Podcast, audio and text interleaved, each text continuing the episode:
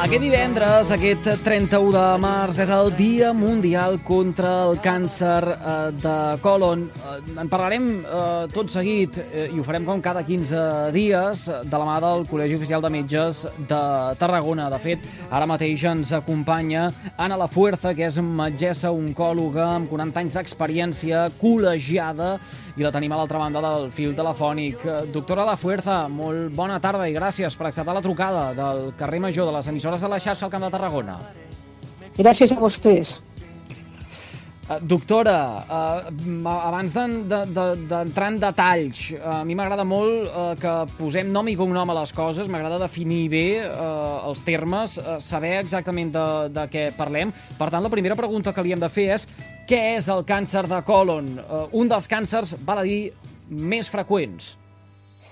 Bueno, és el càncer més freqüent si, si unim els sexes.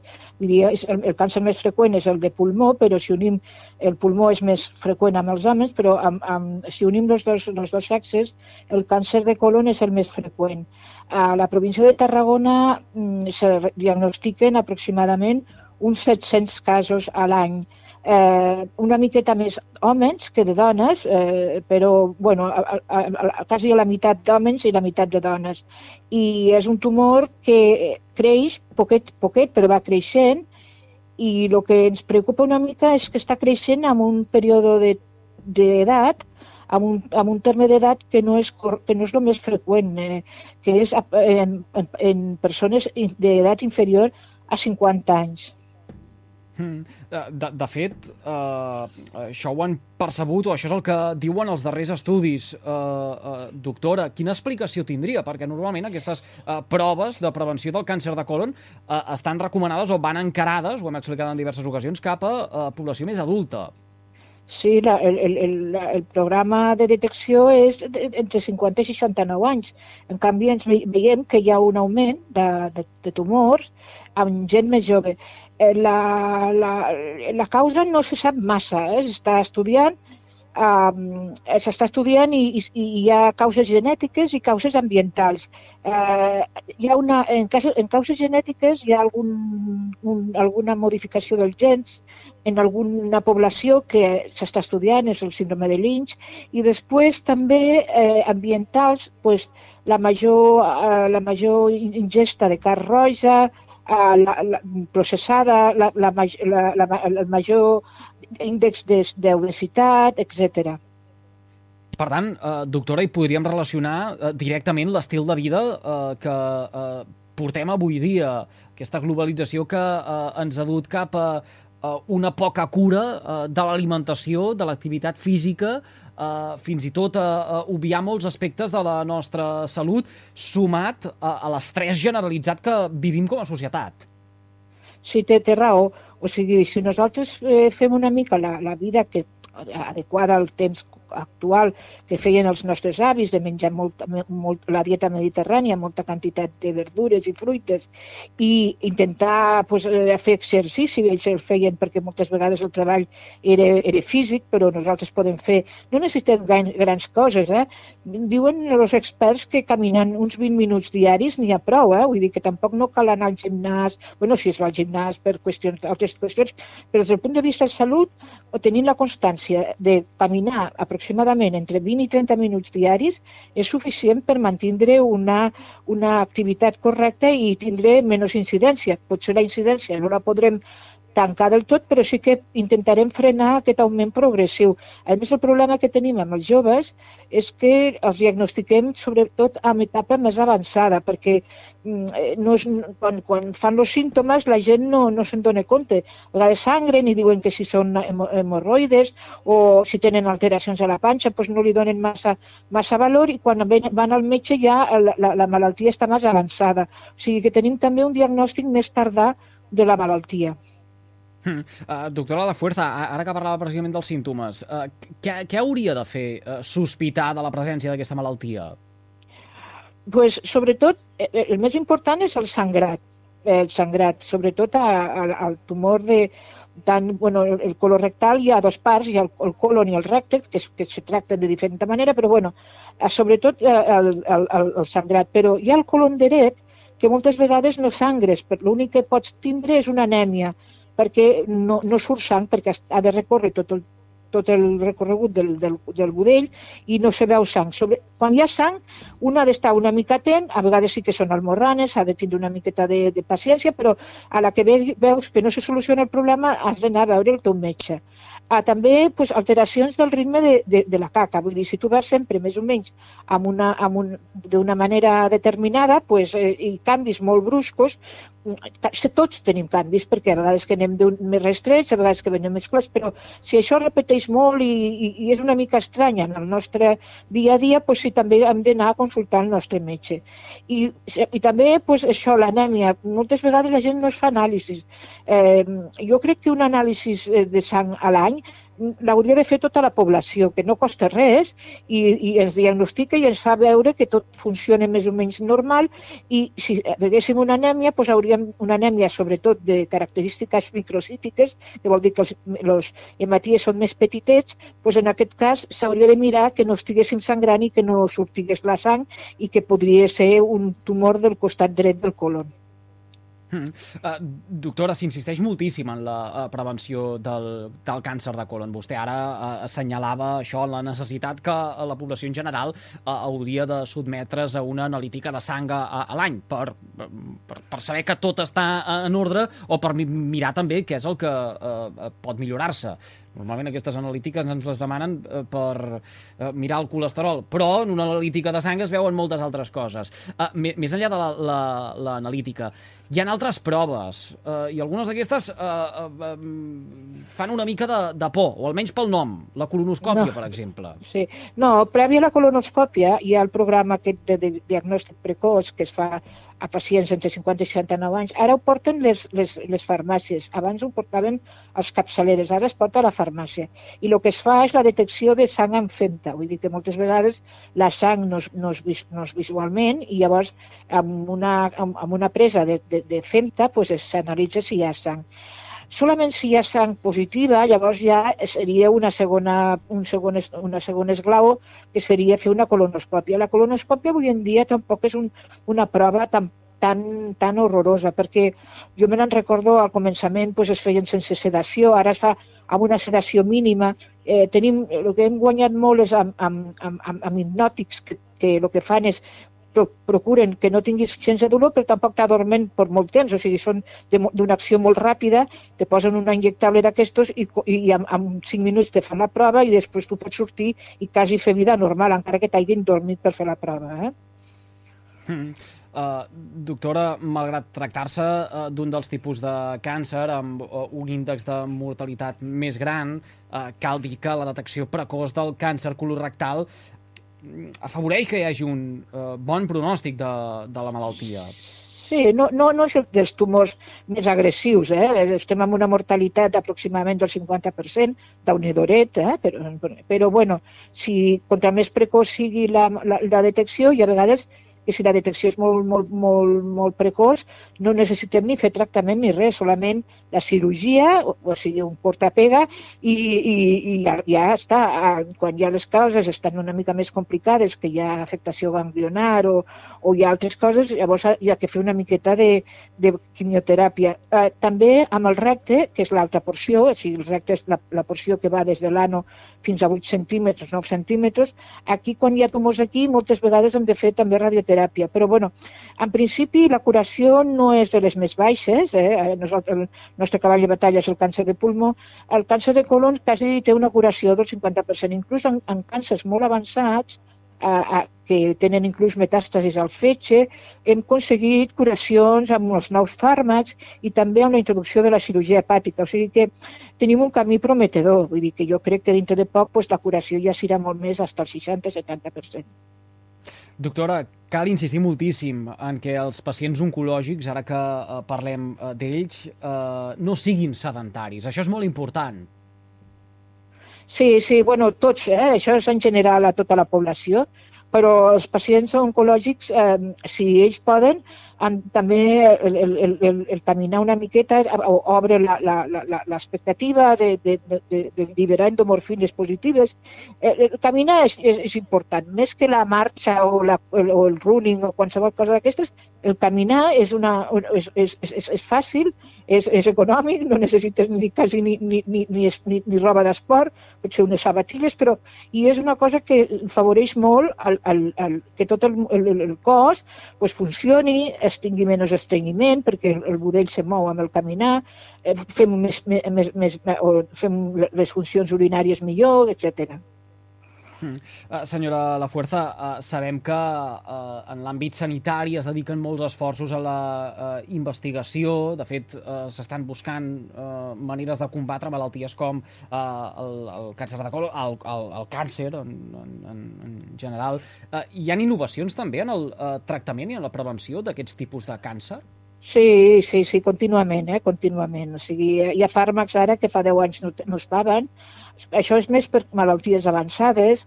En prevenció, doncs, bueno, també sabem eh, també sabem allò que li he dit d'algun síndrome genètic que s'ha de vigilar. O sigui, nosaltres quan fem les històries clíniques preguntem a la gent de que s'han mort els familiars i si veiem que hi ha un acúmul de tumors d'un tipus determinat, doncs fem un estudi genètic. O sigui que, que passet a passet és, la ciència va, va, guanyant, va guanyant el terreny a la, a la malaltia, però bueno, les malalties estaran sempre perquè són, són una cosa consubstancial amb, amb la vida humana, però si podem aconseguir que, que el càncer sigui una malaltia crònica, que la gent hagi patit un càncer com ha patit, pues jo que sé, una, una embòlia pulmonar o un, qualsevol cosa de, o un infart, pues, bueno, eh, cronifiquem la malaltia i no és una malaltia maldita ni una malaltia que té que portar la mort per necessitat.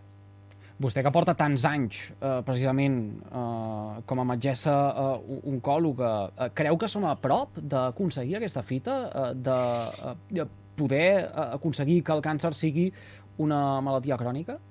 Jo crec que sí, eh? jo crec que anem bastant caminant cap aquí, eh, no, no tan ràpid com desitjaríem, però sí que anem caminant. Jo recordo eh, èpoques passades on tindre un càncer de pulmó segons en quin estadiatge era una condena de mort, o una mama una miqueta que tingués afectació adenopàtica també era una sentència, i avui en dia no té per què ser-lo. Vull dir que moltes persones estan fent vida absolutament normal, han fet tractaments durs, alguns, però després fan una vida absolutament normal. Uh, ara que parlava també uh, del fet que uh, l'herència uh, pot fer que el facultatiu de torn ens derivi a realitzar unes proves o, o unes altres. L'oient que ens estigui escoltant, ara mateix en directe o en remissió des del servei de Ràdio La Carta, i, i per exemple, tingui algun avantpassat seu uh, que hagi patit un càncer, Uh, ha, ha d'adreçar-se en el seu metge de capçalera o ha d'anar a veure el, el no, normalment teòricament, el metge capçalera, quan, li, quan vagi o si també ho pot dir, eh? miri, doctor, jo vinc perquè he sentit que si hi ha un acúmul de, de, de, de familiars amb càncer, perquè clar, la gent se pensa que perquè té un familiar ja no, un familiar no és res, eh? a no ser que tingui unes característiques molt, molt específiques. Normalment és un acúmul, no? Dos, tres persones del mateix càncer o la mateixa família. Eh? I això sí que hi ha eh, una manera de, de, de, de dir-li al metge de capçalera i després el metge de capçalera pues, ell considera si s'ha d'enviar als hospitals. Aquí a, aquí a Tarragona existeix una unitat de consell genètic que aquests casos que hi ha un acúmul de malalties pues, s'estudien, primer es fa un, un, arbre, un arbre genològic, se veu si tenen connexió i si, i si això sembla que sí, es fa una determinació de gens amb sang i en algun cas pues, trobem eh, alteracions que són compatibles amb síndromes com pot ser eh, amb les mames, eh, la mama hereditària, que és un tumor molt freqüent i que a més pues, és molt mediàtic perquè l'Angelina Jolie pues, ho ha tingut i és, aquesta gent necessiten fer-se mastectomies bilaterals, vegades se fan mastectomies bilaterals i també se trauen els ovaris perquè tenen un, índex, un índex molt alt de tindre. Però això és un, un percentatge de la població molt petit, eh? no, tampoc hi ha que pensar que perquè tu tinguis a la família... Totes les famílies tenim càncer. Ja la meva família, ma mare es va morir als 102 anys i als 70 va tindre un càncer de mama. Les meves filles han mort en, en 90 i pico i van tindre càncer de mama als 60. Vull dir que a totes les famílies hi ha, hi ha, hi ha tumors, però, però bueno, és, és bo que el, que el metge capçalera estigui sensible a que hi ha un component hereditari. Mm. Uh, M'agrada molt de parlar amb vostè, doctora, perquè uh, utilitza un llenguatge molt pedagògic uh, i, i això és el que intentem fer també en espais, en seccions com aquestes, eh, cada 15 dies de la mà del Col·legi Oficial de Metges de, de Tarragona. Una darrera pregunta, entorn de, de, del càncer de colon, que és el que avui ens porta a parlar amb vostè, eh, demà que uh, és el uh, Dia Mundial contra aquest tipus de, de càncer, eh, demà uh, 31 de, de, de març. El, el pot patir tothom, un, un càncer de, de, de colon? Abans abans parlava uh, d'homes i dones, tot i que és més freqüent en, en uh, homes, deia, parlava d'una rebaixa d'edat, de, per tant, uh, um, es pot donar en qualsevol moment de la vida. Sí, s'ha d'estar una miqueta atent. Aquests dies que, que celebra l'Organització Mundial de la Salut són una mica per conscienciar la gent i que se'n parli, que, que, fa, que, la, que la, els serveis públics com vostès de, de, de comunicació facin que pues, tota la gent reflexioni un momentet sobre allò que, que pot passar, però no, no hem de viure assustats, hem de viure tranquil·lament, uh, si tenim problemes als nostres professionals que són excel·lents, hem tingut algun problema ara amb la pandèmia que l'accés ha estat una mica difícil, però bueno, ja això ja està solucionat i, i hem, de ser, hem de confiar en la ciència, hem de confiar en la natura i hem de confiar en nosaltres mateixos que tenim prou, prou eh, seny per fer el que és bo per nosaltres. Doctora, si m'ho permet, li preguntaré per una altra uh, qüestió uh, relativa a, un tipus de càncer que comentàvem ara tot just fa un momentet, eh? el càncer de pulmó, que és un dels grans cavalls de batalla, com bé assenyalava. Aquests últims dies hem llegit que s'ha localitzat una proteïna que evita les metàstasis del càncer de pulmó. Es tracta d'una investigació dirigida pel doctor Joan Massaguer, el director de l'Institut Sloan Kettering d'Investigació Oncològica de Nova York, que el que eh, diu és que aquesta proteïna, una proteïna Sting, eh, que activa la immunitat, evitaria que el càncer de pulmó es pogués reproduir a altres parts del, del cos. De fet, els eh, assajos clínics que s'han fet fins ara eh, s'haurien administrat fàrmacs que actuen com aquesta proteïna les persones en què les metàstasis eh, ja estaven eh, progressant. Eh, és una molt bona notícia, aquesta.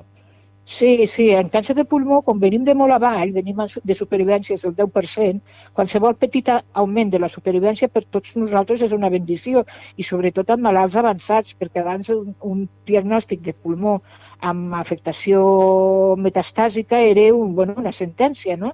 Llavors ara sabem que hi ha, uns, eh, hi ha algun grup de població i cada vegada s'està buscant més que tenen unes determinades proteïnes i que hi ha fàrmacs, eh, bueno, fàrmacs més aviat immun, fàrmacs, immunosupre, bueno, fàrmacs immunitaris que el que fan és lluitar contra aquestes proteïnes i la, aconseguir supervivències molt altes. O sigui que ha, el, el càncer de pulmó eh, eh, és molt freqüent, ara, per desgràcia, és molt freqüent en les dones. Les dones fumen bastant, també representa el, el nivell d'estrès i d'exigència que les dones ens, la societat ens demana, volem, hem de ser bones mares, bones professionals, bones senyores molt estupendes, i llavors moltes vegades ens hem de, de, de, de treure l'angoixa a fumant. Llavors, ara el càncer de pulmó amb les dones, que era molt poc freqüent, era molt més freqüent amb homes, doncs comença a ser important. Llavors, eh, hem de lluitar una vegada per retirar el tabaco, si no podem retirar el tabaco, que facin eh, eh, tacs, de, tacs helicoidals, que són un tipus de tacs per fer diagnòstics molt precoços, i si no, pues, quan estan diagnosticats ja tenim tot aquest, tot aquest grup de, de fàrmacs que ens ajuden una miqueta. I bueno, la supervivència del càncer de, de pulmó ha pujat des d'un 10 a quasi jo diria un 30% de supervivència, que això, encara que sigui, no sembli massa, però en termes de molta població pues, és important. Aquesta investigació, per cert, que està dirigida pel eh, doctor eh, Massaguer, ha estat provada en ratolins, en càncer de eh, pulmó, eh, i els resultats de la investigació ara obririen la porta a que eh, es pogués provar el fàrmac en eh, les persones. I a més a més, també cal assenyalar que aquesta tècnica hauria funcionat en ratolins amb càncer de, de mama i, eh, per tant, els científics eh, creuen que podria ser eficaç també en eh, d'altres eh, tumors. Doctora, quan un estudi es troba en, en, aquest uh, estadi, que, que, quan es pot esperar, quant de temps pot passar fins que uh, no s'acabin uh, aplicant ja en el uh, dia a dia i en el tractament directe de, de càncers? El mètode científic és un mètode que és molt segur, però bueno, no, no és ràpid. O sigui, moltes vegades quan veiem de curacions del càncer Eh, això jo he escrit alguna vegada que, que, que diuen, bueno, és que se cura el càncer. No, bueno, estamos en el camí, no? Però vull dir, normalment això són períodes no massa curts, vull dir, és difícil de dir, però com a mínim necessiten pues, a després aprovar-ho, aprovar-ho en humans, fer tot els, el mètode científic, que és ensaig fase 1, fase 2, o sigui que això és una miqueta llarg. Llarg vol dir pues, 3, 4, 5 anys, saps? Entens? Però, bueno, no, a vegades es pot accelerar més. Per exemple, eh, la curació del Covid o les vacunes del Covid era perquè una senyora estava treballant amb, amb, amb, amb, una, amb unes vacunes contra el càncer i, i, i aquesta tecnologia va servir per generar vacunes contra la Covid. No sabem si en un moment determinat aquesta investigació pot no tindre que recórrer tot el tot el, el camí de l'assaig clínic, perquè millor és tan evident que llavors ens podem saltar tot. És, és, és difícil de dir, però bueno, normalment s'ha de, de ser cautelós i s'ha de fer el mètode científic. No som bruixots, nosaltres som, utilitzem el mètode científic i llavors és, és important que quan les coses es diguin que funcionin, funcionin. Per això convé tant eh, invertir en eh, recerca, en eh, posar-nos les piles també en què eh, tota aquesta gent eh, que tenim al nostre territori eh, treballant per eh, aconseguir eh, aquesta eh, clau per poder combatre una malaltia com és el càncer es puguin quedar en el territori. Eh, cal que això ens ho creguem nosaltres a nivell ciutadà, cal que això s'ho creguin també les administracions a l'hora eh, d'abocar recursos. Eh, no ens cansem mai tampoc de dir doctora, eh, eh, cal incidir amb, amb això. N'hem parlat moltíssim durant la pandèmia, ho comentàvem ara just fa un parell de dies. Eh, no ho hem d'oblidar, ara que sembla ja que la pandèmia és història. No, el territori està molt, molt ben portat, això. Hi ha l'Institut Pere Virgili, que fa investigació, i entre les seves línies d'investigació, que són moltes, doncs hi ha investigació en càncer, que està bé. Vull dir, no, la investigació jo mai és massa, però jo crec que tampoc hem de dir que no s'investiga gens. És veritat que aquí s'investiga. El que passa que, per exemple, doncs grans hospitals com, eh, com, com els americans tenen potser eh, equips més grans, però bueno, a vegades eh, és un, és un, és un, és un investigador que és molt, que és molt potent, que en un moment determinat se li, se li encén la llumeta. Vull dir que no, no necessàriament hem d'esperar que, que inventen els americans, vull dir, moltes vegades, i els espanyols, bueno, el doctor Messang és un això, el doctor, el, el, un, per desgràcia, el doctor Baselga, que va ser un dels que va fer més, més estudis en càncer de mama, que ara va, va morir fa poc, era de la meva, un poquet de la meva promoció, feien guàrdies a la Vall d'Hebron, i aquest home va estar un dels, import, dels més importants en, en, tractament, en, en, en investigar sobre el tractament del càncer de mama. Eh, demà és el Dia Mundial contra el Càncer de uh, colon. Insistim moltíssim en uh, uns hàbits de vida uh, saludables pel que fa a alimentació, pel que fa també a uh, activitat uh, física i en cas de sospita uh, aquells símptomes que repassàvem ara tot just fa una estoneta, posar-se en mans dels especialistes és el que hem de fer. Les farmàcies, per cert, eh, tenen un programa de eh, detecció preventiva del eh, càncer de eh, colon, ho hem comentat, eh, encarat a un públic molt concret, a unes franges d'edat molt concretes, aquells que en tinguin dubtes el que poden fer és doncs, adreçar-se a la seva farmàcia de, de referència. Li agraïm moltíssim, eh, doctor La Fuerza, eh, que hagi acceptat la invitació del carrer Major de les emissores de la xarxa al Camp de Tarragona. Ha sigut un plaer. Igualment, gràcies per tot. Gràcies.